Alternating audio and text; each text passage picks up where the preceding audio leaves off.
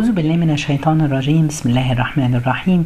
والصلاة والسلام على سيد المرسلين سيدنا محمد وعلى آله وصحبه وسلم أجمعين. يوم جديد في رمضان. درسنا النهاردة بعنوان احذر من الحسرة والندم.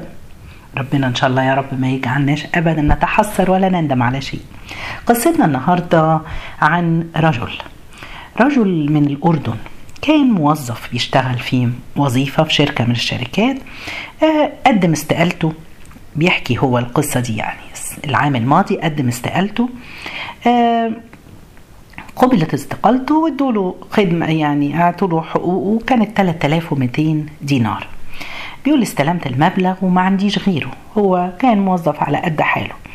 المبلغ طبعا يعتبر مبلغ كبير بالنسبة له. لما رجع إلى بيته كان الوقت قبل الحج. لما دخل البيت قال لأهله كده وراهم المكافأة أمه وأبوه قالوا له إيه رأيك؟ إحنا نفسنا نطلع الحج السنة دي. سبحان الله ما ترددش. قال لهم حاضر. وتاني يوم راح لشركة سياحة عشان يشوف الحجز للحج. سبحان الله أخذ المبلغ عشان يطلعوا هما الاتنين كان المبلغ 3200 دينار. دفعوا كله وهو سعيد إن هو هيطلع أمه وأبوه الحج. وفعلا وبعد أسبوعين طلعوا الحج. راحوا الحج بعد ما رجعوا سبحان الله بيقول لك بعد ما رجعوا بأسبوعين ثلاثة كده هو كلموا وهو ابتدى دور على شغل تاني ونقل لشركة تانية وراح ابتدى فيها. لأن هو المدير القديم بتاعه كلمه وقال له تعالى في مكافأة بسيطة كده كانت عندنا ليك تعالى خدها ده بتاع الشغل القديم. المهم راح بيقول لك يعني كنت متوقع حاجة بسيطة جدا يعني. وسبحان الله ادوله شيك ولما أخذ الشيك وخرج من عند المدير بص لقى الشيك بمبلغ 3200 دينار. عجبا والله سبحان الله. ده قمة بر الوالدين. هو ده يا جماعة كل شيء بنعمله لأهلينا. ربنا بيتقبله إن شاء الله.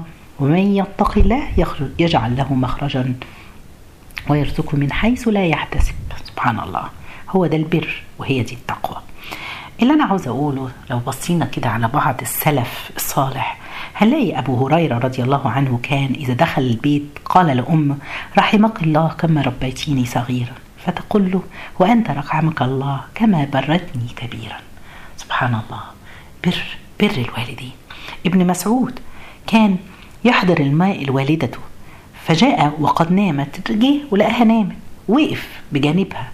مستيقظ ومعاه الماء في ايديه عشان لو خاف ان هي تستيقظ وهو مش جنبها بالليل وما تلاقيش المية قعد واقف جنبها حتى استيقظت. أبو عون أحد التابعين نادته أمه فرفع صوته ندم مجرد إنه رفع صوته عليها سبحان الله ندم إنه هو عمل كده هو ويعني قعد يدعو الله وأعتق رقبتين عشان يعني العمل اللي هو عمل ابن سيرين لما كان يكلم أمه كان بيتضرع. إذا دخلت أمه يتغير وجهه سبحان الله. الحسن البصري ما ياكلش من الصحن الواحد مع أمه كان يخاف إن عينه تسبق يده الشيء اللي أمه وعينها وقعت عليه. ابن شريح أحد التابعين كان يدرس في المسجد وكانت في وسط الدرس تيجي أمه وتقول له قم فعل في الدجاج روح أكل الدجاج. كان يقوم ويترك التعليم برا بوالدته.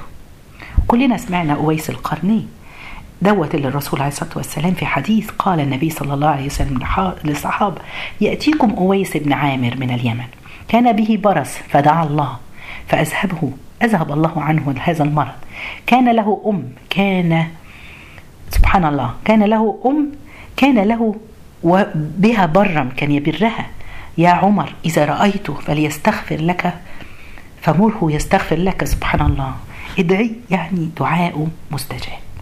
كل القصص اللي أنا بقولها دي سبحان الله دي لناس برت والديها. تعالوا نشوف أمثلة ناس تانية. للأسف حسرة وندم لأنهم بعد ما أمهم ماتت اعترفوا قعدوا كانوا خمسة إخوات وكل واحد قال حقائق عملها.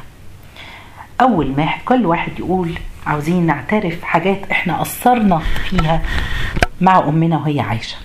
أول واحد جه قال إحنا خمسة يعني المهم فقال الأولاني كان عليا مبلغ 200 ألف إيجار البيت.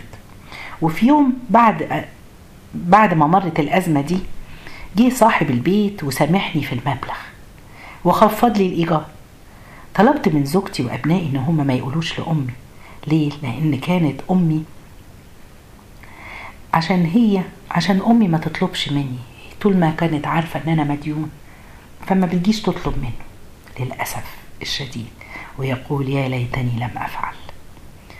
التاني قال حصل بيني وبين أمي خلاف مرة على أمر تافه من أمور الدنيا. وقطعتها. ومرت عدة أسابيع ولم أتلفظ بكلمة أمي ولم أرفع نظري إليها حتى ماتت. ولا يا ليتني لم أفعل. التالت جه قال كانت تيجي لي بعض المناسبات أشتري لزوجتي أغلى هدية ولولادي أديها لهم الهدية دي عشان يدوها لامهم وأروح أشتري لامي هدية. ما تصلش ربع تمن اللي أنا اشتريته لزوجتي. حتى كنت أشتري ساعات حلويات وحاجات حلوة لبيتي والامي ما اديهاش منها إلا حتة حتة أو حتتين. يا ليتني لم أفعل. الرابع قال كنت حريص أنا وزوجتي إن إحنا نخفي عن أمي اللي بنشتريه أو نتهادى بيه أو يحصل لنا عشان أمي بس كنت بشركها في أمور الحزن والنكد ومشاكلنا أنا ومراتي لكن في الفرح لا. ويا ليتني لم أفعل. وجي الخامس وقال لم يكن في حمام أمي سخان يدفئ الماء.